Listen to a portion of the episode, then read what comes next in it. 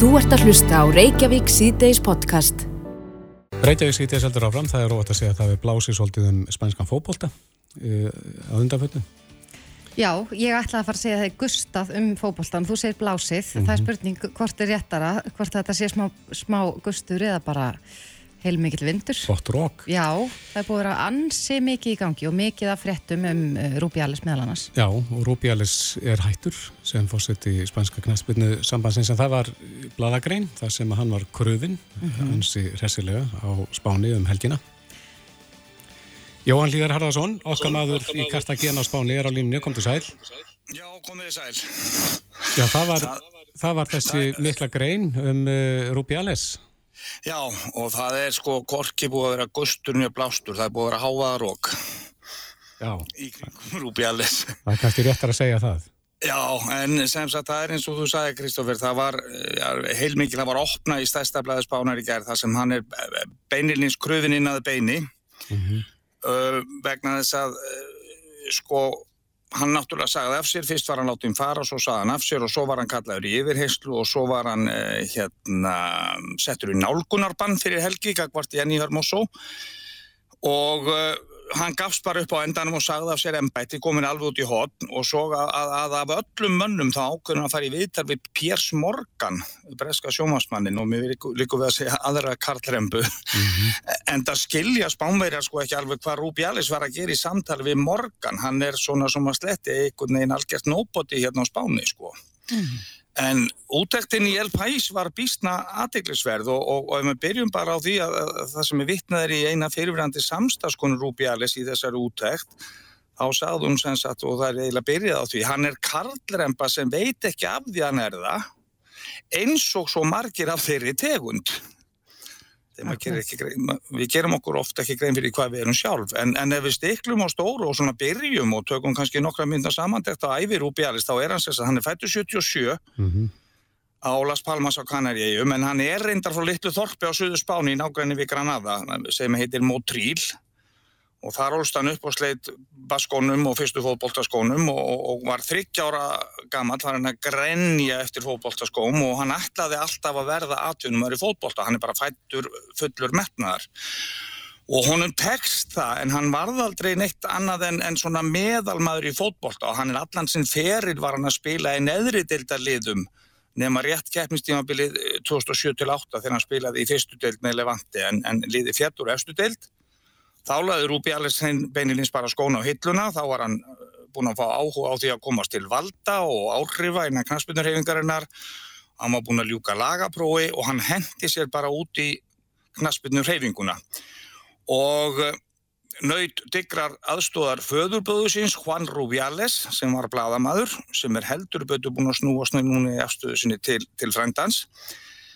En það sem engendan frá fyrsta degi og kemur fram með þessari samandögt er það að hann sapnaði bara jábræðurum í kringum sig og fyrirverandi samstagsmaður hann segir í, í þessari útækti El Pais að annarkort varstu Rubiales maður eða þú varst rekin. Mm -hmm. Og engunin sem fyrirverandi samstagsmenn gefunum, nú það er svona, þurfu ekki óttastan lengur, er að hann hafi sko beininis verið með messiasarkompleksa gerðsamlega stjórnlaus í hegðun, algjörlega drepast úr valdagræðki og tillitslaus í gard allra sinna samstagsmanna. Og svo kom mjög snemma í ljós eftir hann komst í valda innan fyrir fimm árum sem, sem, sem formaður eða fósitt í spænska knagsböðu sambandsins að hann var helt tekin af þrennu. Mat, konum og peningum. Já. Og hann var mjög duglegur í gegnum alla jábræðurna sem hann sapnar að sér að, að hækka rosalega hátt rætt í launum og, og þegar yfir laug þá var hann komin með yfir sko 100 miljónir íslenskra krónu í áslaun mm. og ef ykkur finnst það mikið á íslenska mælikvarða þá er það beinlinnis sko ógeðslega mikið á, á spænska mælikvarða. Var það fyrir að stýra knaspinu sambandinu spænska? Já, og, og, og svo var hann komið með sem einna var að, var að hérna fórsettum UEFA var hann komið með nokkra miljónir ofan á það. Mm. Og svo var hann, hann var búin að kaupa sér villu á dýrasta staði í Madrid fyrir 300 miljónir íslenskar króna en svona af ákveðnum ástæðum þá er hún komin á sölu núna. Og svo eru margir að fyrirvændi samstagsmönnum hans sem segja í þessar útökt elpæs að þeir hafi alltaf vitað að svona myndi fara fyrir Rúbi Ellis á endanum. Það hafi bókstarlega verið skrifað í skíin og núna byrja menn að, að, að svona móka í, í hvað maður segja, í sandin eða leðjuna og verið að grafa upp allskins nextlismál sem tengjast Rúbi Ellis sem menn hafa hreinlega, hvað maður segja, óta að þagaðum eins og til dæmis það fyrir fjórum árum þá seldi spænska knasputnusambandi hreinlega úslítaleikin í þessu sem við þekkjum heima líka þegar að mestararnir í dildin og byggamestararnir spila svona uh, mestarar mestarana, superkópa kallað hér, Já. hann seldi þannleik beinleginst í Sáti Arabíu sem satt liðin tvö þurfa að fljúa til Sáti Arabíu til að leika þennan úslítaleik um spænskan titill og fyrir það rukkaði knasputnusambandi sem satt 120 miljónir evra fyrir fjóra ára samning Og nú halda spænskir fjölmiðlar því fram og segjast hafa sannanir undir höndum um að Rúbjális hafi náða að fýta sin eigin bankareikning með þessum samningi.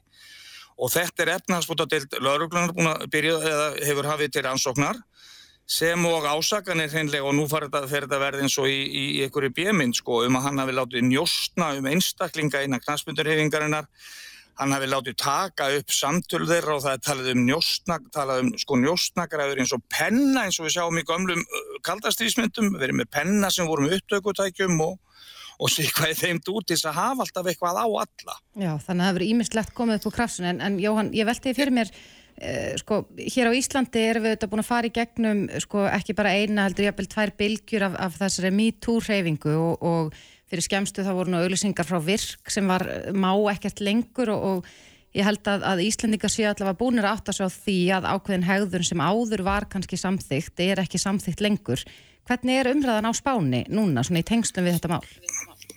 Hún er um, sko, einmitt um það að þetta sé stóra mítúmál knastmyndurhefingarinnar en, en einmitt þetta sem þú segir að, að sko Rúbjális sér þetta ekki og skilur þetta ekki og, og, og hann hefur sagt sér það til varnar að, að þegar að sambandið, þegar hann tók í sambandinu hafið það velt 150 miljónum evra og nú fimm árum síðan veltið það 400 miljónum evra. Og, og þannig erum við kannski komin að kjarna málsins að menn af þessari tegund þeir telja þeim sé allt heimilt í krafti peninga og valds. Og það er kannski dæmikert fyrir karakter eins og Rúbjali sem sér aldrei bjálkan í eigin auga er það að hann spurði eitt samstagsmanna sinna og sérfræði ekki almantengslum nokkrum dögum bara eftir kossin alrænda, þá bara spurði hann hvað á þetta moldviður eftir að standa lengi? Skilur en það Hann er svo svarið er líklega það að það á eftir að standa mjög lengi og dagar hans eru taldir sko. Einmitt. En hvernig er Og í staðan dag almennt? til dæmis var valið spænska landsliði núna, það var, það var verið að tilkynna það er nýr þjálfari komin sem er kona sem heitir Montse Tomé og hún var að velja spænska landsliði í dag og þær voru búin að gefa það út uh, heimsmeistararnir að þær myndu ekki spila fyrir spán nema það eru gerða rótækar struktúrbreytingar á stjórn spænska knarspöldinsambandsins og það er eins og þú varst að spyrja um með MeToo reyfinguna. Þetta er svona verða afræstur þessa stóra MeToo-máls að spænska knastmyndusambandi búið að gefa það út að það ætli að, að gera fleiri rótakarbreytingar og það eru fjallust á, á það og, og að taka þátt, það eru leikir núna, tveir leikir á næstu viku, í næstu viku, eða þessari á næstu, við Svíþjóð og, og Sviss. En Jenny Hermoso er ekki valin og það segir þjálfarinn að sé einfallega bara til þess að nóg hafi dunið á henni og það sé til þess að gefa henni aðeins andrými bara eftir þetta álag sem á henni hefur leið í þrjár vikur þegar hún á að vera í raun að gleðjast yfir því að vera hún heimsmyndstari. Já, akkurat. En Jóhann Hlýður, að því við erum að falla á tíma annað mál og kannski úr allt annar átt. Voru spánverðar ekki að velja þjóðarétt rétt spánar? Það má Er segja það svo... Já, það var einmitt það, þeir voru aðtöða, er það hægt? Og, og, og, og ég hef svo sem oft endi spjalli við Íslendinga og nokkru sinnum hérna þegar menn er að tala um þjóðarétti að, að menn telja að það sé fyrir ekki, pælan frá Valencia. En þegar að þessi könnun gerð, fjögur þúsund manns í úrtakið, þá kemur ljósa pælan er eiginlega bara þjóðaréttur í því héræði sem hún er upprunnin, þar segir Valencia héræði. Þannig að rauninni, og þetta var skipt niður í 17 héru þessi könnun og það kemur ljós að það er Það eru 17 mismunandi þjóðaréttir eftir því bara ert stattur hverju sinni. Að var Pælan í að Valencia. að nefni... Það er ekki að koma að stað Niðurstöðu. en, en 48% bári að telja enga síður að pælan sé sú, þá sáréttur sem svona sé helsti fulltrúi spænskar matargerðar. En svo er það kjötsúpan í Madrid, baunaréttur á Norðurspáni, hitt og þetta, lambakjött hér og þar. alveg ótæljandi réttir og, og, og verða að skoða þess að konar netun en það eru ykkur 40-50 réttir tilnemdir en pælan er bara í Valencia. Hva, hvaða réttur er það, svona örlíti bara í lokin? Er uh, sem sagt hrísgrón og safran er náttúrulega líkilatrið í henni, krytti, dýrasta krytti heimi. Mm -hmm. þannig að hún verður á þennan fagur gula lit og svo eru flestir veitingastæði getur valið um sko sjáarrétta skelfisk pælu blandaða pælum í kjöti, nú kanínupæla er mjög góð, svo er til svört pæla sem er með e, bleki úr smokkfiski sem er líka alveg e, mikið gómsæti sko. Mm -hmm. Þannig að þetta er aðalega, þetta, þetta er náttúrulega grúnir upp í staðan. Já, mér finnst mjög skemmtilegt að skuli segja pæla vegna þess að, að það, það er þetta erfitt að bera þetta fram, er þetta ekki paella? Paella. En það er mjög, mjög jú, jú. að vanda sig. Já, en pælan er bara fín hljóð, hljóðþýðing. Akkurat. Já, og mér skilst nú að, að það sé hægt að fá alvöru pælu hér á Íslandi núna. Það eru einhverjir eh, veitingastæðir farnir að bjóða upp á slikt. Mér skilst það heldur betur og hef heilt á mínu kunningjum og vinnum að þetta sé bara alveg lostætið sem búður upp á heima. Já. Svo má ekki gleyma því í Baskalandi þar völdu þeir sko sem er mjög íslensk tengt að því Baskarnir hafa haldið íslenska saltminsnum eða þostnum öllu heldur í, hafa haft hann í hávegum mm -hmm. að þar er það bakaláal pilpil eða þoskur í kvítlög og þar er íslenskur þoskur mest í hávegum sem er, þeir telja sér sinn þjóðaréttur. Já. Þetta er aðdegli verðt, Jóhann Hlíðar Harðarsson í Kartagena á Spáni. Kæra þakki fyrir þetta, þangar til næst. Sömulegis, verðið sæl. Bless. Þú ert að hlusta á Reykjavík C-Days podcast. Jæja, það er búið að vera mikið rætt um íslenska vatnið upp á síkastið. Mm -hmm. um, Bæði heitt og kallt. Heitt og kallt. Vandi kalda vatnið þá hefur kannski verið efst að baugja að, að Icelandic Glacial er nú ekki einungis í, eða hefur verið selt til erlendra fjárfesta. Mm -hmm. Þetta var greint frá þessu núna fyrir uh, rúmi mánuði síðan eða svo Já. og margir hafa nú veltið fyrir sér hvers vegna við erum að selja auðurlindin okkar mm. en mér finnst ennþá eins og því sé hálfpartin ósvarað og nú tala ég bara út frá sjálfur mér og eftir að hafa lesið og ansið marga fréttir um þetta og hvort er verið að selja vatnið í læknum eða framleiðsluna á mm. sem þetta fyrirtæki e, er með Já, landið Já. eða versmiðina eða hvað Já En svo í kvöldfréttum í gæra þá var nú sagt frá því að, að Ísland væri eitt af uh, já, fáumlöndum sem hefur ekki ennþá kortlagt jarðauðlindirnar. Mm -hmm. Eins og heita á kalda vatnið. Akkurat. Og það var eh, fórstur í Ísor, Árni Magnússon, eh, íslenskra orku rannsóknar sem að let þessi orð falla í gær og þess vegna spyrir við núna, Viljám Adnarsson, fráfærandi formann umhverjusnefnda þingsins, eru við sofandi í þessum málum? Akkur eru við ekki búin að kortleggja þessar auðlindir?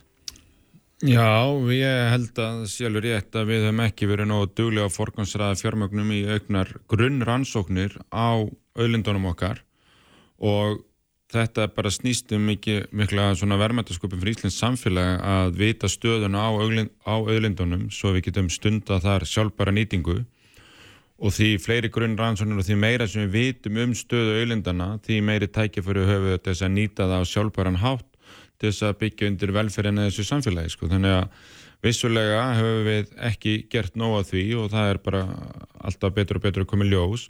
Að því að hinga til hafa þessar ansóknu verið bara miklu meira á forsendu þeirra sem ætlar að nýta í hver sinn, veist, veitu og orku fyrirtækjana og við, það er ekki langt síðan sem fréttur um það að, að tekjur veðustofun og dróðust verulega saman að því að það voru ekki búið að reyna að virkjana frangandir í landinu og þá fóru bara alla vatnaransóknir á hold í langan tíma og þannig að bæði það gerist ekki mikið rammaállun og var ekki mikið að gerast í þessum virkjunamálum og þá bara hættur rannsóknirnar staðan fyrir að hafa þessa grunn rannsóknir bara á hreinu og þá komast alla frangandir og ölindanýtingu miklu hraðar á stað sko. -hmm. En ætti það ekki vera, sko, bara maður velti fyrir sér sko, hvort það ætti ekki vera bara grunn fórsenda fyrir því við, að við séum að nýta allar ölindunar, að vita allavega svona sirka hvað við eigum mikið af þeim til þess að við förum ekki í að, að ofnóta þeirra annað. Jú, og það, út af það gengur þetta alltaf og, og því hafa, er það orkufyrirtækin og veitufyrirtækin sem hefur viljað nýta það, sem hefur kostað þess að frangandir hinga til. Þannig að ég held að þetta sé svona eitt af því sem að við hefum geta kannski spara peningin í einhver önnur verkefni og settu frekar í þetta. Ég held að það hefur verið skynnsalið uh, forgansverðun uh, ofumirsfíð að gera það að, að vita meir um auðlindunar. Mm -hmm. En eins og ég myndist á þetta náðana að þá eh, hefur verið mikið fjallað um söluna á Icelandic Glacial og já, sömur eru, eru mjög reyðir yfir þessu og finnst, finnst eins og við séum að selja bara auðlindina sjálfa. Eh, getur þú svarað því? Hvort er verið að, að, að selja vatnið í læknum eða vatnið í flöskunum sem, er, sem kemur úr læknum? Uh, ég þekk ekki alveg hvert, hvert einasta samning og starfsleifi þarna en í grunninn er bara verið að selja fyrirtækið sem er að nú þegar með einhverja samningu um nýtingu á vatni og með, einhver, með eitthvað starfsleifi mm -hmm. og þannig að þessi kaup þau geta aldrei ná lengra heldur en þeir samningur og þau starfsleifi sem eru núna þannig að það verður aldrei tekið meira vatn heldur en starfsleifi gefur upp um og það verður aldrei tekið meira vatn heldur en að, að samningarnir við landegandan er og ég finnst, ég ætla ekki að fullir það en mér finnst að ég sé einhverstaðar upplýsingar um það að, að þeir eiga freka bara lóðina undir fyrirtæki en eiga ekki landi sjálf sem að, eða vassréttindin sjálf. Og, og en, en þau þurfa til þess að nota svona vatn á okkur hérna, mikinn hátt, þá þarf að fá leifi hjá orkustofnun og, og, og svo einhverju leiti hjá starfslefi hjá umhverjastofnun og annað slíkt. Þannig að óháð því hver á þetta þá er alltaf íslensk lögjöf sem gildir um við erum með skiplaslög, við erum með vatnarlög, við erum með hérna, lög um helbriðseftillit og, og starfsleifi, varðandi vinslu og vatni og annað slíkt. Þannig og þetta er mikið á þessu svæði með til umræðu núna út af því að það er einn stór áskorund varandi vassauðlindina að það er hvað ætlum við að leifa að nota mikið að feska vatninu okkar í landeldi í lagseldi, mm -hmm. í lagareldi sko. Mm -hmm. og, og þá hérna þurfum við að vita hvað við getum hérna tekið mikið af vatn en á þessu svæði mitt er kannski hvar mesti kaldavarsbúskapur á landinu frá, frá hérna mitt Ölfusinu og alveg út allt Reykjanes það er alveg gríðarlega þykk vast linsa sem bara liggur hérna undir þú bara bóra hérna rétt niður þá ertu bara að koma með stórfljóta köldu vatni og svo þarf náttúrulega þurfum við að vita bara hvað er þetta að taka mikið úr þessari linsa á þess að hafa eitt svæði hafa áhrif á hitt mm -hmm. og um þetta þurfum við bara að hafa ströng, strönga reglur, stránga reglur en svo er það vist hvers þjóðar og hverju þeir sem eru að kaupa land og vassréttindi, það er bara allt önnur umræða sko. Já, aðeins varðandi þessar rannsóknir, hvers er það ákveða að ráðast í þessar rannsóknir? Að koma staðið eitthvað sem mikið vegum? Að það er náttúrulega bara stjórnvalda og við erum með hérna kannski Hvaða ráð þeirra með það? Umhverjus og orgu málar á þeirra, er auðlinda málar á þeirra og undir hann heyra veðurstofan, orkustofnun og ynguristofnun sem eru svona, og náttúrulega náttúrufræðistofnun Íslands líka. Þessar stofnan er allar saman, hafa einhvers konar hlutverki að gegna í þessu og hérna og svo er undir þessu sama ráðanetti er ofinbæra fyrirtækið Ísor sem að er ekki stopnun heldur er fyrirtæki sem stundar mikið að þessum rannsóknum. Mm -hmm. Þannig að nú er umhverjast og loftlags og orkamálar á þeirra einmitt að reyna samin að svolítið þessar stopnanir og búa til svona upplugra kerfi til þess að, að þeir nái það verði kannski burður til þess að ná utanum þessar upplýsingar. -hmm. Þetta er greiðilega mikilvæg umræða og, og jafnvel hefðu við átt að byrja án aðeins fyrir vegna þess að tala um þetta að, að vatnið er svo verðmætt og verður bara verðmættara og, og það sama á við bara um grænu orkuna og bara orku yfir höfuð. Heldur við, við séum að fara á sent af stað með þessu umræði? Já, já, við erum að fara allt á sent af stað og líka bara upp á eins og við komum inn á að þetta snýst um fórkvæmsröðum peninga og við hefum átt að gera það fyrr en það þýr ekki að tala um það núna, við þurfum bara að setja kraft í þetta núna og forgansraða það. Ráðherran er farin í að hægra engar aðgjör inn í sínu ráðherrniti, er farin að búa til líka öfluri þá stopnarnir sem ætti að geta gengið hraðar í þetta. Uh, við höfum, þær rannsóknir sem eigum til eru þá út af því að landsvirkjun og orkuveitan og þessi orkufyrirtæki hafa verið að láta að gera mikið og kaupa af þessum stopnarnum eins og viðstofinni og ísor fullt af, af, af upplýsingum og sérstaklega líka með heita vatnið því nú erum við að tala um orkuþörfina með því að vita hvað við með að finna meira heitt vatn og nýta það þá erum við að draga verulega úr rafmaksþörfinni þannig að orkuskiptin skipt, heita vatni skiptir miklu máli þar. Mm. Því að við erum að tala um uh, umhverfismálinn þú ert, er það ekki að síðasta degi sem formaður umhverfisnenda þingsins? Jú, það passa Tekum við nýjur formar á morgun Sjálfstæðarflokkun hefur verið með formensku í þessari nefnd núna á síðustu árum hver tekum við? Uh, já, hann mun taka við Bjarni Jónsson uh, þingmaður vinstu græna Verður stefnubreiting þá ef að vinstu grænir er að taka við formensku í nefndinni?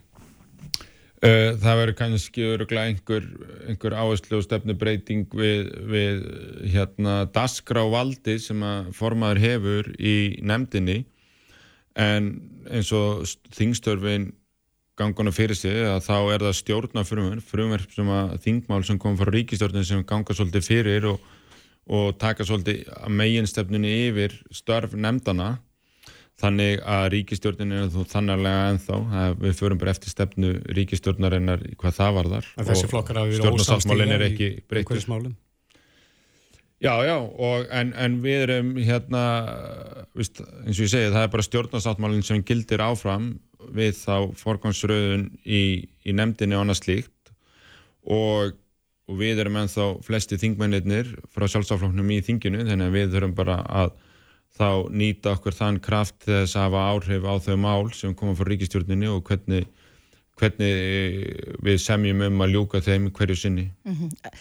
Nú hefur verið mikið talað um það eins og Kristófur minnist á að það er eh, já, ansi álíka stefnur á milli flokka og svo eru við þetta með stjórnar sáttmálan en eh, eins og framhefur komið að þá er þetta gríðalega mikilvægt málefni, bara orkumálinn yfir höfuð að hvort sem er umhverfisvinkill eða orkuvinkill eða hvað. Heldur að það muni nást árangur núna á næstunni á meðan að já, kannski sjónamiðin eru svona ólík uh, Já, sko það er alveg hægt að ná árangri og, og ég held að, að það hefur tekist vel um það að skýra umræðin um það núna að bara allt sem við gerum hérna og allt sem við ætlum að gera í framtíðin að halda fram að byggja upp þetta öfluga velferðarsamfélag sem er á Íslandi.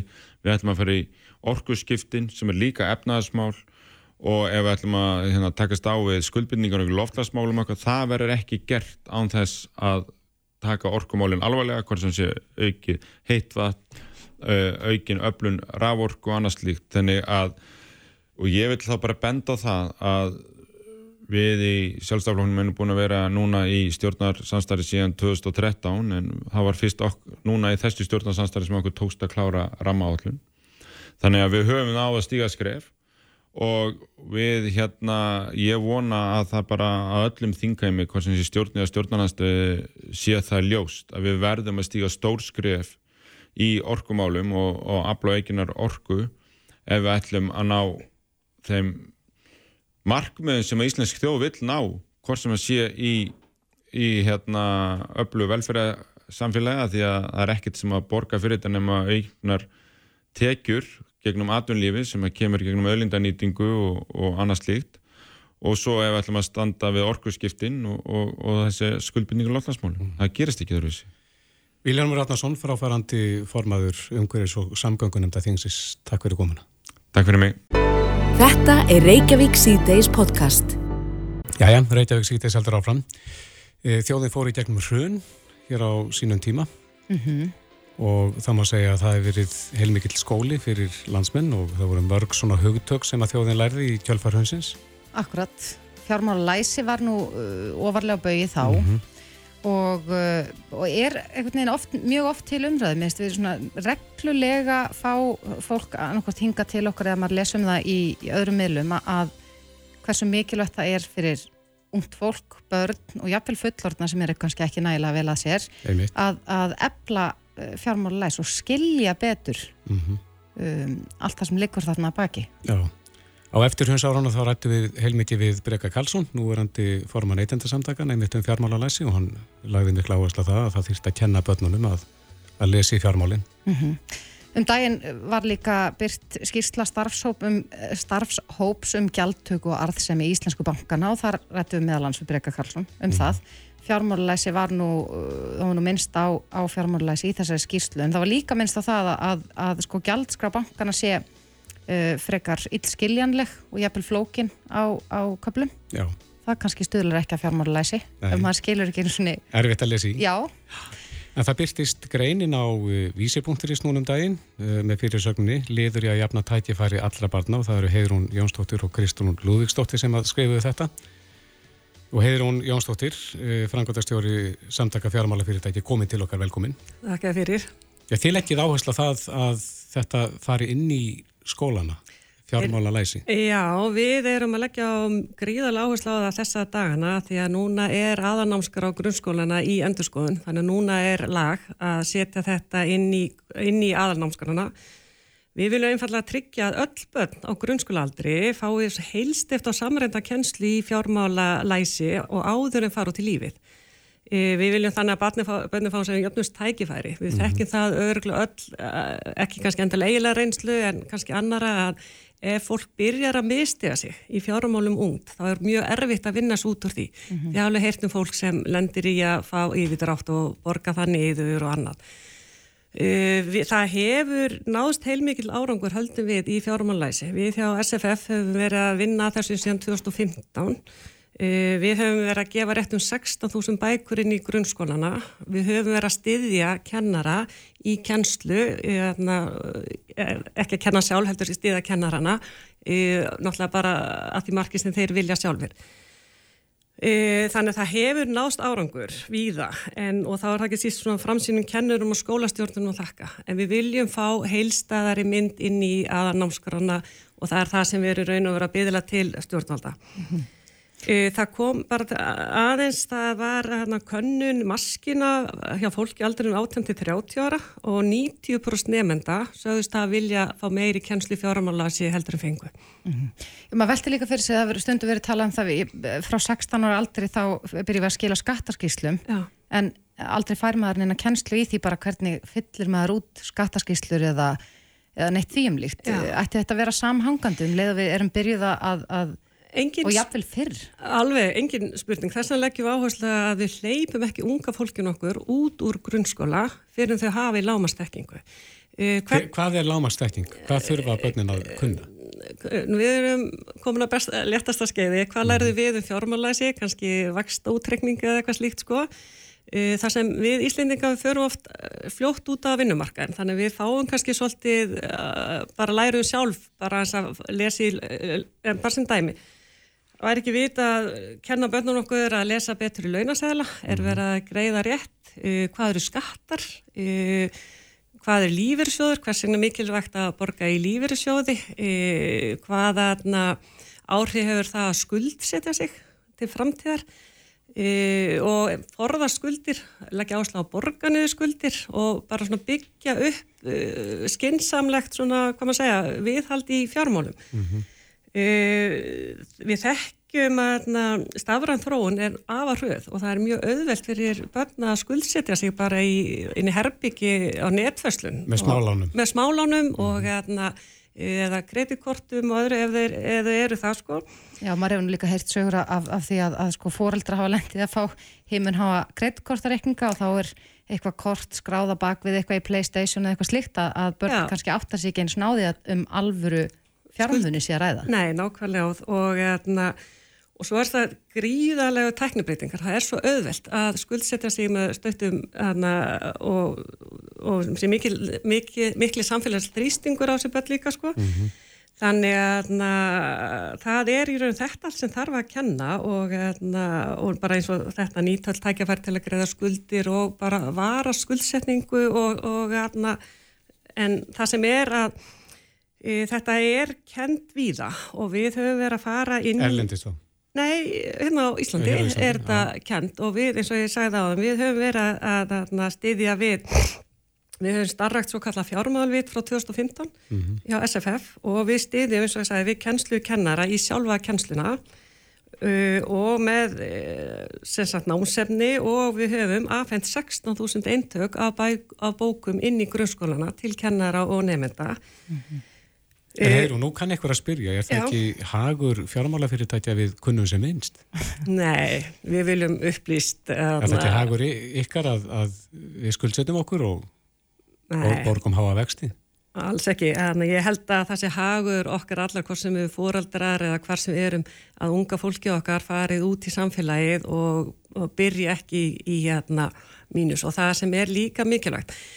Uh, hvar, hvað eiga svo sem skólanir að kenna og hvað mhm. eigum við fóreldrar að kenna uh, ég gæti ekki, þó í lífið að leysa gæti ekki kent börnunum mínu um tónlist en ég get kent þeim um fjármálæsi mm -hmm. uh, það eru örgla fóreldra sem treysta sér síður inn í fjármálæsi heldur en tónlist eða eitthvað mm -hmm. viljum við ekki jafna stöðu allra barna Akkurat, en, en um, ég myndist nú aðeins á það hérna áðan og við tölum um, um uh, þessa skýrslu sem að byrstist fyrir ekki svo lengur síðan og, og allir nú einhverju fjarafóki svona hér og þar, mm. en þar var meðal annars talað um það að, að gjaldskra bankana sé bara illskiljanleg.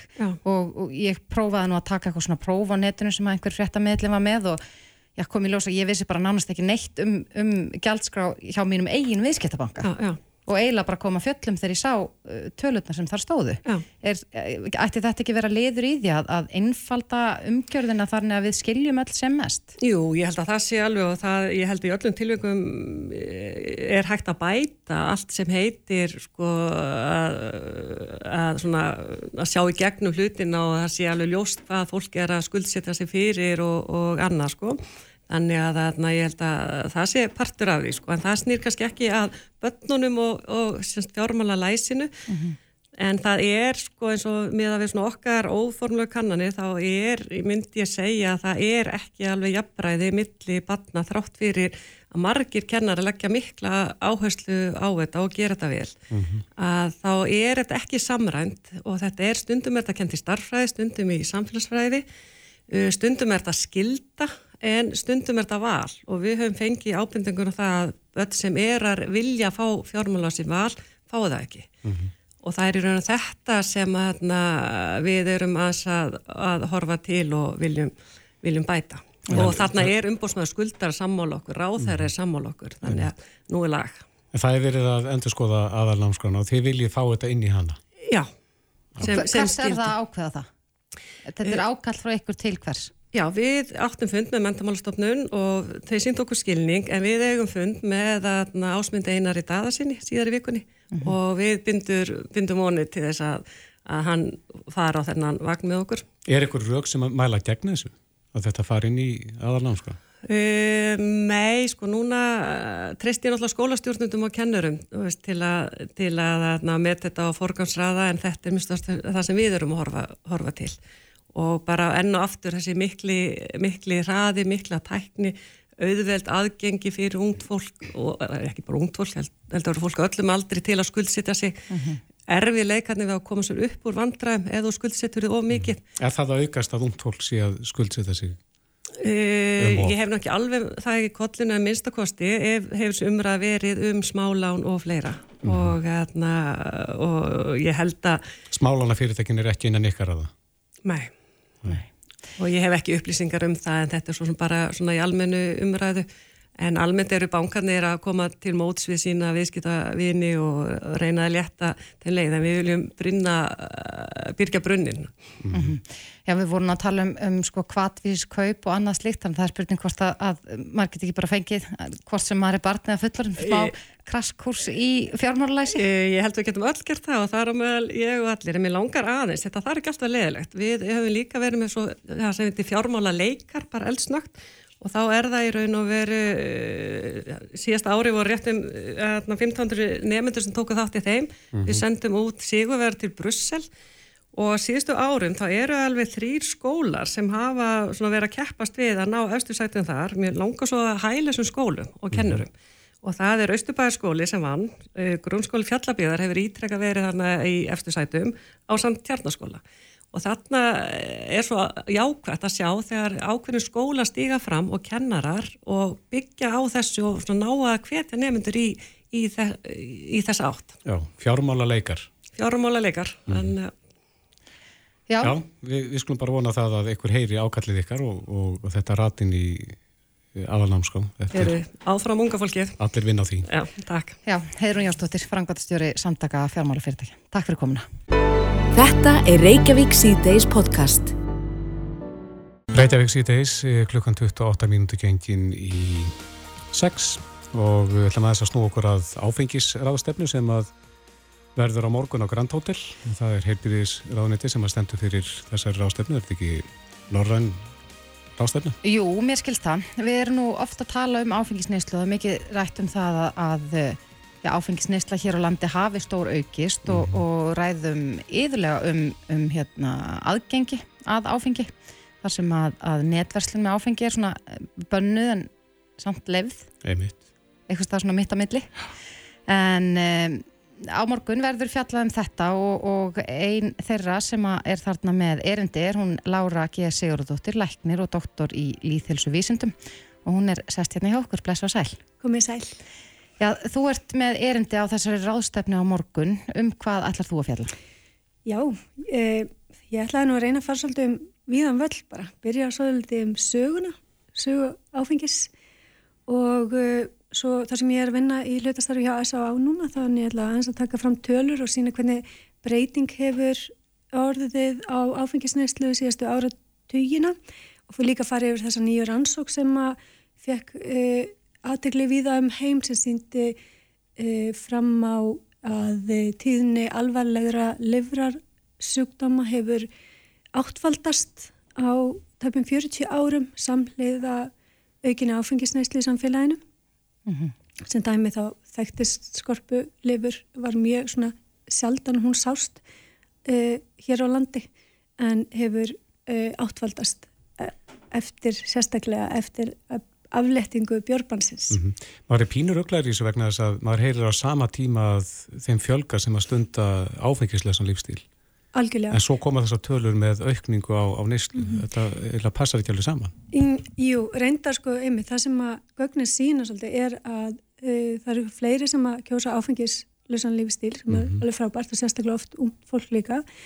En hini sem að neyta áfengis að þeir drekka meira þeir eru meira að sulla daglega í áfengi. Og við sjáum það líka bara á gögnunum frá uh, vogi.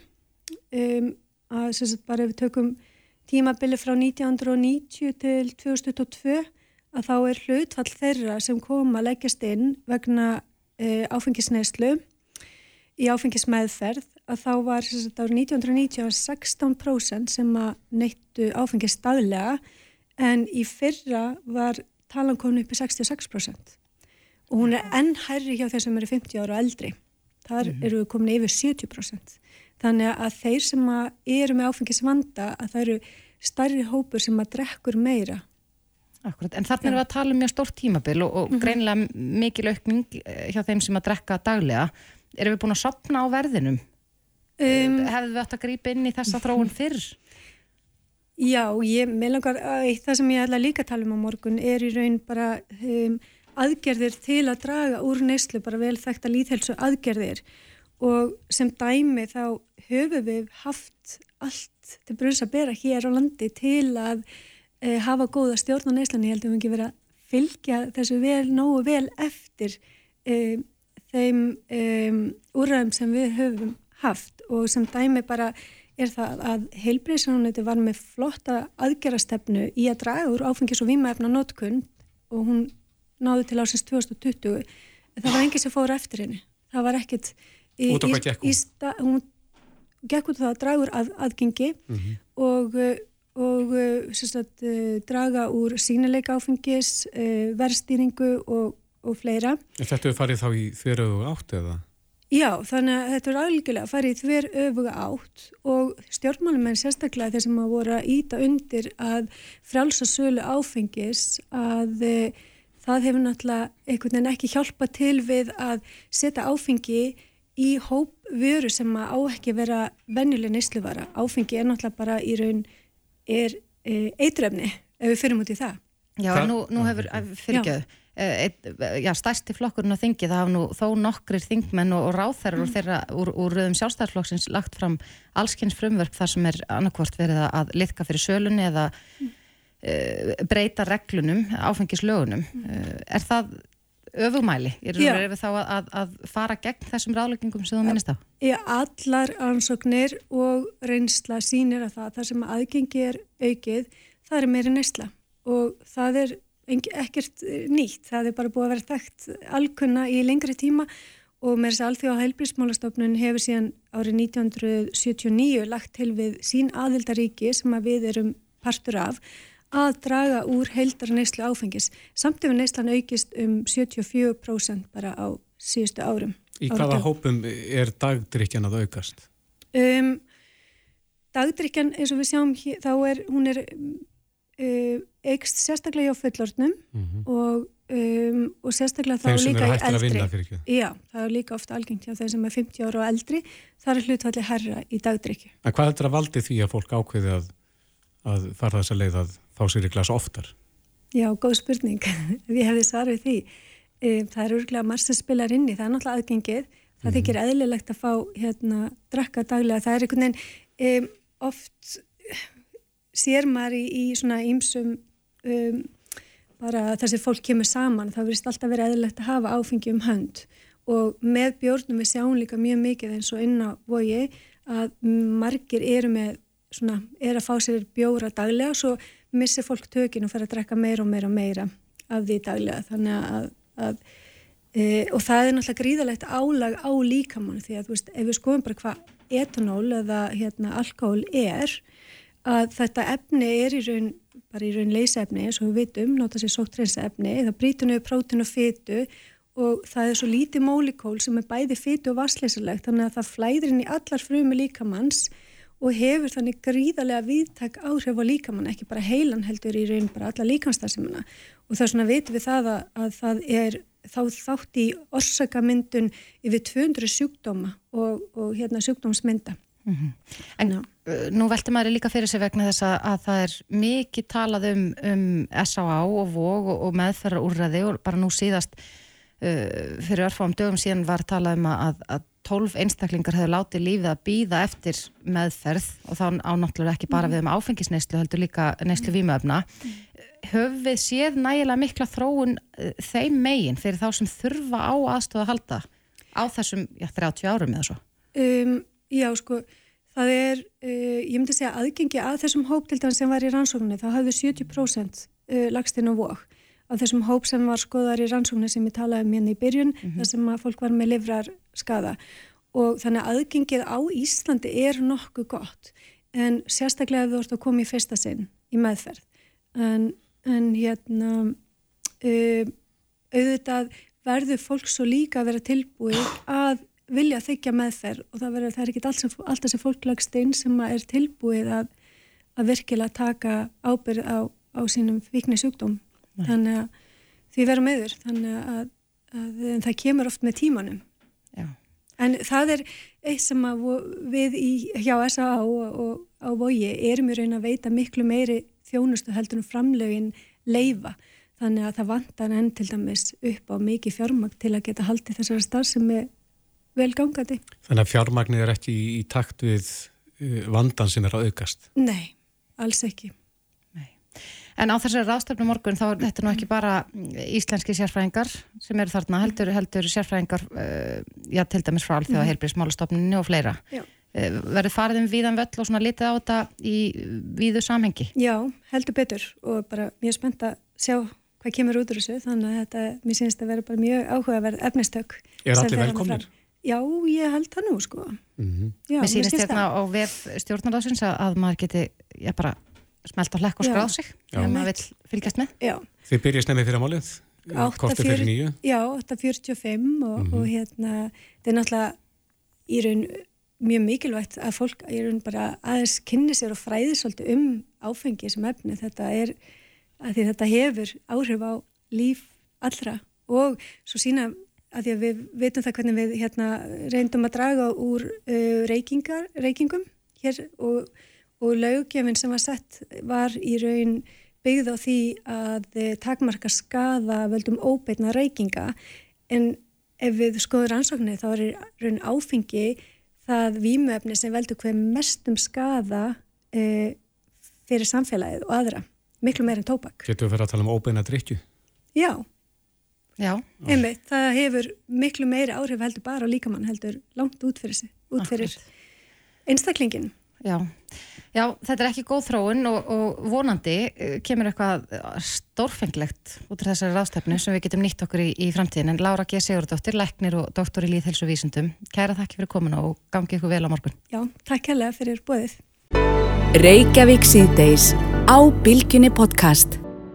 Sem margir allir loki eironum þegar við tölum um lífeyrismál? Sko, ég er við það að loka eirum sjálf, mm -hmm. en ég ætla kannski ekki að gera það þar sem að við erum að fara að tala um lífeyrismál. en lífeyrismál, sko, ég er að verða 36 ára gömul mm -hmm. eftir, já, einn og halva mánuð, já. cirka. Og ég hugsa alltaf bara, æg, þetta er bara eitthvað sem gerist eftir 30 pluss ár, ég verð bara alveg róli, það er ekkert að spá í þetta. Mm -hmm. En svo hefur maður heilt sögur á því að fólk sér hennilega að brenna sig á því að hafa ekki að vera með sérregna lífeyrisbarn, að, vera ekki að huga að framtíðinu með þessum hætti. Mm -hmm. Og fyrir rúma ári síðan, þá var nú einslag í uh, Ísland í dag, þar sem að Snorri Másson tók viðtalu Berg Ebba Bendiktsson, sem er nú þúsund þjála smiður, hann er uppistandari og, og uh, lögmaður og ég veit ekki hvað, hvað mhm. framtíðafræðingur, mm -hmm. en hann náði að tala á svo skemmtilegan máta um lífeyrismál að ég hlustaði. Hann kveikt í því? Hann kveikt aðeins í mér mm -hmm. og talar um hérna að, að fletta þessu nú upp að, að sko lífeyrismál eru ekki bara máluflokkur fyrir nörda heldur, má líka líta á þetta þannig að þessi máluflokkur þar sem hagsmundnir eru hvað allra mestir mm -hmm. og við erum ekki bara að tala um hundruð miljardar sko fyrir samfélagið heldur þúsundir miljardar í stóra samingur og sömur hafa áhuga því. Já. Þetta er stórt og mikið og Já. getur skipta okkur sem samfélagmáli mm. og hvert og eitt okkar, persónulega. En nú ætla trýtingarstofnun að fara að halda námskið um lífeyrismál og þeirra var fengið til liðs við sig eh, Björn Berg fjármálaráðgjafa, velkomin Takk fyrir. Já, þetta eru eins og segið margir vantilega loka eiránum og til að þetta ekki sko snerta sig. Já, já. Er sá aldur að færast niður sem hefur verið áhuga á þessum málum? Já, ég held það, ég hef verið að ég hef verið að reyna átt að mig á því undanförnum hvort að ég sé bara að nefnda einhvern veginn öðruvísi eða hvort mm -hmm. að það sé raunverulega að verða bara mikil vitundavakning varandi lífeyrismál. Mér finnst ég heyra oftar tala um þetta, mhm. meira skrifa um þessi mál og ég finna líka þegar fólk getur að líta til mín eða hafa sambandið með af lífeyrismálum að það eru, miklu, það eru miklu fleiri sem eru meðvitaður um það að það er kannski að nota einhvern veginn lífeyrismálun og lífeyrissjóna í því að hafa það skemmtilegra og betra þegar maður verður aðeins eldri. Mm -hmm. Það er svona það sem við hefðum kannski talið fyrir bara tíu árum vera ódæmigerð starfslokk að taka skref út af vinnumarkaði eitthvað slíkt er kannski bara ekkert svo ódæmigerð í dag og við erum að nota lífyrirsjóðun og lífyririnn okkar í þetta púsluspill. Ætla að sé bara að þessi kynnslóð sem er núna að, að kannski að fara á eftirlaun uh, er, er jafnvel meira að hugsa um að já, vinna og streyta til þess að geta notið síðan efri árana? Já, ég get alveg ímyndið með það. Eða er unga fólki í dag farið að hugsa um þetta strax til þess að eiga bara svona mjög bjarta og góða eh, daga á efri árunum bara í golfi ekstra spáni og, og hafa mjög fínt. Ég, ég held að það sé orðið svolítið ábyrgandi og þá er þetta yfir um unga fólkið, ég efast um að ef þú bara mætir á skrekk og klukkar næsta krakka hann sé mikið farin að pæli lífeyrísmálum mm -hmm. en jú, kannski fólk yfir 36 ára aldri Já, þannig að ég fer að detti það þetta að okay. já, og megi Bergur Eppi bara tala sér mest um lífeyrísmál en jú, að, það, er, það er nákvæmlega þetta, þetta verði að það verði skemmtilegt, að það sé ekki allir settir í sama far sem hefur kannski ekki verið mikil valkostur í gegnum tíðina. Flestir hafa bara þurft að vinna eins lengi þurfa á mátt og svo er fólki bara hend út um dyrnar og þarf að setjast við útvarpi. Það, það er bara í rauninni þessi klassísku starfslokk hafa verið normið. Mm. Núna er miklu meir um það að fólki farið að sjá fyrir sér starfslokk þar sem það ætlar að njóta lífsins og það kostar ofta að njóta lífsins en við erum farið líka að borga miklu meira í lífeyri til þess að geta borga fyrir svona lega. Mm -hmm. En það hafa margir nýtt sérregnarspartnaðin í að greiða nýru húsnæðislánu á síðust árum. Já. Eru það að þínum að þið mistök? Það er... Er, er fólk að hafa áhrif, á þessi plön, það er að segja að hætta að vinna? Já, það gerir það. Vegna þess að sérregnarspartnaðin eru líkil atriði í þessu, þessu púsluspili. Til þess að geta borgað fyrir eitthvað sem er dýrt í kringu 60 þartu helst að eiga sérregnarspartnað á móti kemur að það er ekki hægt að segja neyfi þessu sem er verið að bjóða núna að setja sérnarspartna skattfrálstinn á lán vegna mm -hmm. þess að það er verið að gefa eftir skattin og það vegur svo þungt. Ég verði að reyna, reyna að brína fyrir fólki að leggja augalega fyrir til þess að bæta sér það upp að vera að nota sérregnina á fastegnina og ég vona að fólk sé að gera það en okkur er líka bara ítt í þetta. Sérnarspartnaður og orðin stór hluti oft af skildu spartnaði hjá fólki líf, sem var áður að fara bara í samtryggingaréttindi. Það er að segja þessa mánuðarlegu greislur ævilangt þannig að sérregnar uh, spartnaður sem er laus miklu fyrr eða fólk getur notað eins og það vil er orðin meiri hluti af lífyrismálunum okkur. Þetta er meðal þess að því hún nefndir með þetta námskeið sem tryggingastofnir að fara að tala um. Mm -hmm. Þetta er meðal þess sem við erum að fara að tala um þar. Unnu Kristín Sigurgeistóttir sem að sér um lífyris, elli lífyri hjá tryggingastofnun, hún er að fara að ræða um hvernig þeirra kerfi virkar, þá valkosti sem eru þar, að því að fólk getur að nota tryggingastofnun sem hluta þessu púsluspili og ég tala síðan um hinnar hlutina að því að við getum ekki hugsað þetta eitt í einu. Við verðum að hugsa lífeyristökuna, sérnarspartnæn, vinnuna, tryggingastofnun, skattana. Þetta er allt partur af nákvæmlega sem ákvörðun.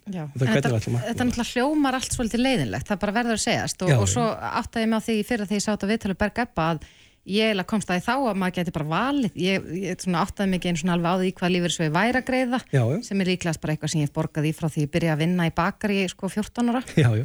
En, en þetta er val og það eru stundum. mismunandi stundum, Já. ok, vá, nú flækist máli. Stundum er það bara sérstaklega tilgænt í, í, í kærasamningi, hvert þú verður að greiða og það eru mjög margi, ríkistarsmið verða að greiða í LSR, svo eru ákveðin sem þurfa að greiða í gildi eða hvert það er. Þannig að það er oft sem að þú getur ekki valið, mm -hmm. en þessi frjálsu lífyrisjóðir, íslenski lífyrisjóðin, almenni, frjálsjós og framvegis, hafa mikið verið að taka við fólki sem er ekki bundið eða einhverju skildu Já. og þeir sjóðir hafa líka verið leiðandi í nýsköpun í, í lífyrismálum sem er svolítið gaman að mm -hmm. og, og dæmi um það, ef maður er að hugsa um hvað er fólk að nýta sér til þess að geta gert lífið meira spennandi. Það er til dæmis til einn ráðstöfun sem að, ég heyri aldrei talað um sem heitir að taka halvan lífið sem er bara að fara í skrefi út af vinnumarkanum. Minga við sig þá vinnu? Minga við sig vinnu. Mm -hmm. Ef við teklum þetta með eitt dæmi, því þetta lítur oft miklu betur út heldur en fólk kannski heldur. Segjum sem svo að það er einstaklingu sem er honum 65 ára, er í sambúð er með 600.000 kall á mánuði í laun í dag og 400.000 krónar lífeyrisréttindi. Þessi aðlega ætlar að fara í hálft starf. Hann fyrir í hálft starf, tekur halvan lífeyr og lífeyr í sjónu sínum og halv greiðslur frá tryggingastofnun á móti. Þá er hann með 300.000 krónur í laun, 200.000 krónur í lífeyr, þetta er helmingurinn því sem hann var með, mm. og svo fær hann tæpan 140.000 kall frá tryggingastofnun á móti. Þessi aðili var með, með 600.000 krónur á mánuði í laun þegar hann var að vinna fullavinnu með 640.000 krónur í hálfri vinnu. Hann græðir á því að minna vinna. Vinna minna. Já, hann hækkar, hann, hann eigur við tekjuna sínar. Þetta hendar eh, sko sérstaklega og dæmi lítu sérstaklega svo nút hjá þeim tekjulægstu með minnstu réttindin. Mm. Eftir því sem fólk er með hærri réttindi þá er þetta samt ef við erum að fara úr sko 900.000 krónum og 600.000 krónar lífeyrisréttindum þá er þetta að fara samt úr sko 900.000 krónar mánaðatekjunir í 800.000 sem er kannski ekki mikið fall fyrir það að vera 50% í fríi mm. fyrir að vera komin í hálft starf. En þetta hljómar eiginlega of gott til að geta verið sagt. Já, akkurat og þá hugsa maður að það hlýtur einhvað að hanga á spýtunni en ekki í þessu tilfelli vegna þess að svona úrræði, eða ekki úrræði, svona lausnir eru búnar til til að hvetja fólk til þess að haga sínu starflokum með skemmtilegri hætti til þess líka að halda fólki í vinnu sem vill vinna. Mm. Það eru kannski margir sem vilja vinna áfram hálft starf eru kannski komnir yfir lífeyrisaldur en hafa ekki efna á að vera með hálfa tekjur það er mjög eðlilegt. En hvað gerir svo þegar við komandi hættir alveg að vinnumarkaði? Þá færaðu sér bara, já þá bara færaðu sér yfir í fullan lífeyri. En eru þá eftir búin að stærða réttindin síðan? Það lítið að það munar sára lítið ekkert um það vegna þess að þau hafa náða að njóta lífsins svo vel á, í millitíðinni. Og hvernig ámaður að, að já, komast að sannleikan með þetta? Hvað ámaður að leita upplýsingar? Er það bara hjá lífeyrissjóðunum? Er það hjá tryggingastofnun? Já. Ef að til dæmis einhver er að hlusta sem er mögulega í þessari stöðu sem hún varst að lýsa og hugsa þetta hljóman hansi vel. Já, já. Það er einmitt eins og hjá, hjá uh, á þessum fundi á tryggingastofnuna á fymtudagin klukkan fjögur í, í húsakynni þeirra þá verður talað um halvan lífeyri. Það er líka inn á vefsjöfum hjá tryggingastofnuna, hjá lífeyrissjónu, hjá mér og björnbæri.is, þar er ég skrifað greinar um halvan lífeyri, mm. að sækja sér upplýsingar um, sem miða við reglunar eins og í dag vegna þess að helsti gallin við lífeyrismál á Íslandi sem er meiri háttar galli er að það er stanslust verið að ringla í þessu. Já. Þetta breytist okkur einasta ári og það er mjög mikið úrreldum upplýsingum í umferð. Þannig við, við megum ekki sækja upplýsingur en þetta á kaffistofuna. En maður heyri samt eh, svo í umræðinni mikla óanægi með þetta kerfi. Já. Heldur betur. Þú heyri það vantalega líka. Já, já, já, já. Og fólki finnst verið að snuða sig. Já. Og það er, það er uh, það er mjög skiljanlegt vegna þess að fólk sem hefur samvisku samlega að borga alla tíð í lífyrirsjóði mm -hmm. og er núna á lífyrisaldri og þeim árgangum sem hafa verið að fara á lífyrisaldri undanförnum árum, það að fólk er með miklu minni lífyrir en það hefði haldið vegna þess að fyrir hluta starfsæfinar var það að borga í lífyriskerfi þar sem að lífyririnn brann upp í verðbólgu, þar sem að vera bara að borga jætnvel að dagvinnu, það var að vera að borga mun læra hlutvall af, af launum sjómi fengur bara borgaða tryggingunni einirkjar voru ekki að borgaða var ekki verið að fylgja þeirminnilega eftir þar að segja lífeyrir fólks sem var greitt inn í kannski fyrir 1990 vegur svo létt en núna með hverju árunni sem líður þá er þetta minn og minna Já. og þessin eru lífeyrisréttindi að hækka mjög rætt En er það síðan ekki rétt sem er að konur setja oft illa í súpunni hvað Jú. þetta varðar vegna þess að, að eh, já jafnvægið og jafnræðið á vinnumarkaði var ekki það sama fyrir 30 árum síðan og það er núna. Að, að konur sem að, að voru heima með börn og, og syndu uppeldi fengu ekki greitt fyrir slíkt. Nei, það er alveg rétt og þetta er, er afskaplega mikilvægt fyrir fólk að vera mjög meðvitað um. Þetta er alveg rétt að uh, lífeyrisréttindur er persónubundin. Við söpnum þeim á okkar kennitölu. Mm -hmm. en við megum deila þeim og það má deila lífeyri með makanu sínum, það má greiða inn í lífeyri sjó maka, það má láta greiða út úr lífeyri sjónu sínum inn á bankabók maka, það má meiri sig að framselja réttindi sem búið er að sapna til þess að jafna svona lagað. Ef annar ætlar að vera heimavinnandi, annar ætlar að vera lengi námi, annar að læri tekjum eða í fæðingarólafi, þá er samtækt að sapna sama lífeyri. Og það er gerir ráð fyrir því? Já, þetta er eitthvað sem að þetta er dæmi um það sem er oflítið talað um. Mm -hmm. en, býr, en er, er jákvægt og, og ætti að vera ákveðin hvað í þessu kerfi. Já. Já, þetta var alls ekki leðilegt, ég verð bara að segja það. Ansi aðtiklisvert Þetta er enginn Bergur Eppi Nei, var... þú ert Bergur Eppi, Björn Berg þetta er alltaf sama. Uh, Við bara vonum að það gangi vel að þessu námskeið. Björn Berg Gunnarsson, fjármálurrakjaði Takk herlega fyrir komin Takk fyrir. Hlustaðu hvena sem er á Reykjavík C-Days podcast Það berast, uh, já, ansið reglulega mm -hmm. stundum frettir af Íslandingum sem að finnast ekki á erlendurgrundu. Núna síðast, nú hefur verið mikið fjallað um mál Magnúsar Kristins Magnússon sem að leita þeir að í, í dóminiska líðveldinu mm -hmm. og við heyrðum, uh, já, viðtali í bítinu í morgun um, um þetta mál og, og ég held að kannski vegna þess að við erum auðvitað frekar svona smáþjóð að þá, þá fylgjustu ofbáslega vel með þegar að, að svona frettir berast en hins vegar þá velti maður líka fyrir sér sko hvernig verklæðið er þegar að, að Íslandingar tínast. Mm -hmm. uh, hvers konar ferlar fara í gang? Er það borgaraþjónustan, er það lauruglan eða, eða hvað gerist til þess að aðstöða aðstandendur við að reyna að finna uh, ástinni sína? Já, og hvaða ráð hafa menn upp í erfinni Já. Karl Steinar Valsson, yfir laurugluþjótt hjá Ríkis lauruglustjóri er á línu, kom til sæl. Komið sæl Já, hvaða ferli fer í gang og hvaða eh, hjálpatæki hafa aðstandendur og yfirvöld? Já, það veldur náttúrulega svolítið að því hvað sælis málinn eru en flest byrja nú með þeim hætti yfirleitt að, að, að aðstandendur leita til borgararþjónustu mm -hmm. og þar fer ákveðin sem að grunnmatt af stað hjá þeim á því eh, málið nýtur út fyrir að vera og, og í framhandinu því er, getur verið að, að hérna, ef að það er ekki leist bara á þeim vettfungi þá, þá, uh, þá komið það þannig að, að, hérna, að uh, viðkomandi aðstandinu sé að vísa til þess að hafa setjað því í sambandi við lauruglu. -hmm. Lauruglu hér heima þá? Já, lauruglu heima sem er þá yfirleitt þá bara staða lauruglu eða lauruglu í því umdæmi sem að viðkomandi hefur búið. Mm -hmm og þar fer fram ákveðin svona frumgreining á því og í framhaldina því er, getur verið möguleiki að við virkjum erlenda samstagsæðala sem, sem að fer þá í gegnum alþjóðastarfi sem við erum með. Og, og þetta, þetta veldur á raunulega, raunulega hvað sér talið að sé í málinu. Við getum tekið sem dæmi að það sé verið að leita einstaklingi og það sé ekki kannski beint verið að tala um neitt sagnefn sem hafa átt sér stað þetta er viðkomandi sér tindur á kannski við veikindi að stríða og, og þá, þá getur verið möguleiki að við, við setjum okkur í samband við lauruglu á þeim stað sem að var talið að viðkomandi væri uh mhm. -huh. og hvort að þar sé að finna upplýsingar um að hafi viðkomandi til dæmis verið handtekinn út af einhverju atbyrgarás sem að eða viðkomandi hafi vext og sé kannski eh, sem nafnlaus einstaklingur á spítala uh mhm. -huh. Þannig að það myndi þá lauruglíðu hérna fara í það Akkurat. og, og, og það, það veldu þá raunulega bara á þeim upplýsingu sem fyrirleikja hversu djúft við förum í, í, hérna, í skoðun á því. Það getur líka að, að máli getur verið þannig að, að við munum eh, reynlega fara fram á að að, að, að lauruglíðu við komum til stað að fara í einhverju ákveðinu aðgerð, fara að leita eða grænslast fyrir um dvalastað eða svo leiðis. Mm -hmm. Hinn almenni borgar sko hér á Íslandu þetta er, er nokkuð kannski ráða lauskakvast því að vera í samskiptum við, við Erlend lauruglu yfirvöld og þar komið eh, já, þið inn í. Við koma inn í það, en, eh, en á hvaða tímapunkti er, já eins og maður velti fyrir sér eins og til dæmis í máli þess hans, hans Magnúsa sem er týndur hérna í, dóminska liðvelduna það eru margir dagar liðnir um, hversu langt getur lauruglan gengið í aðstóða fólk?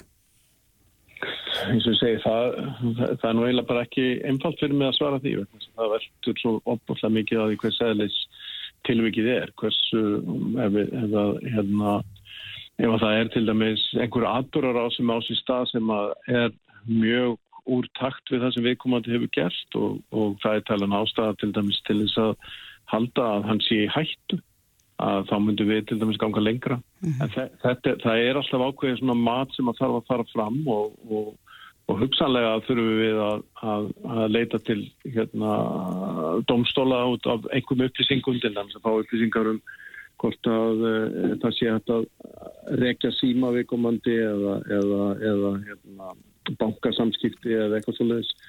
Það, það, það veldur önnulega alltaf því sem að, sem að hérna, fram er að koma á hverjum tíma. En, en í langt flestum tilvíkum er það þannig að við getum líka virkjað, það er þannig að við tökum þátt í norrænu samstarfi sem er þannig að það eru lauruglumenn nánast í öllum löndum og, og vel mjög mörgum borgum í Evrópu og, og hérna í Asíu og í Söður Ameríku sem að, sem að geta starfa fyrir okkur þó að við starfum fyrir til dæmis eitthvað, eitthvað hinn á Norrlöndunum Þannig að þar getur við líka virkjað, það tengslanett getur við virkjað ef við þurfum að gera. Já, verður að líða ykkur ákveðin tími áður en farið er í aðgerðir? Yfirleitt er það þannig, en stundum gætu upplýsingarna verið þannig að, það, að, að við myndum gera strax að til dæmis ef að, ef við komandi hefur sagt alltaf að gera eitthvað ákveðum ákveðum tíma eða koma eitthvað en skila sér ekki. Það getur verið, e, þú veist, það, það getur alveg verið það, þess aðlis að, að, að við sjáum að það borgir sér ekki að býða neitt. Nei, en, en eins og ég sagði að þá, þá uh, auðvitað, já við Íslendingar, við erum, erum uh, fylgjumst vel með svona málum þegar aðri Íslendingar eru, eru týndir og erlendur grundu. Hefur, hefur mál Magnús að rata á borða lauruglunar? Já, já, ég get staðfist að laurugla hefur fengið tilkynningu og er, að, er, að, er með hérna, ákveðna vinnu í gangi því tengt. Og borgar og þjónusta líka þannig að þessar stofnarnir eru að vinna saman í því. Já. Er munur á sko þessari vinnu eftir löndum? Suður Amerika er þarna eða með Amerika?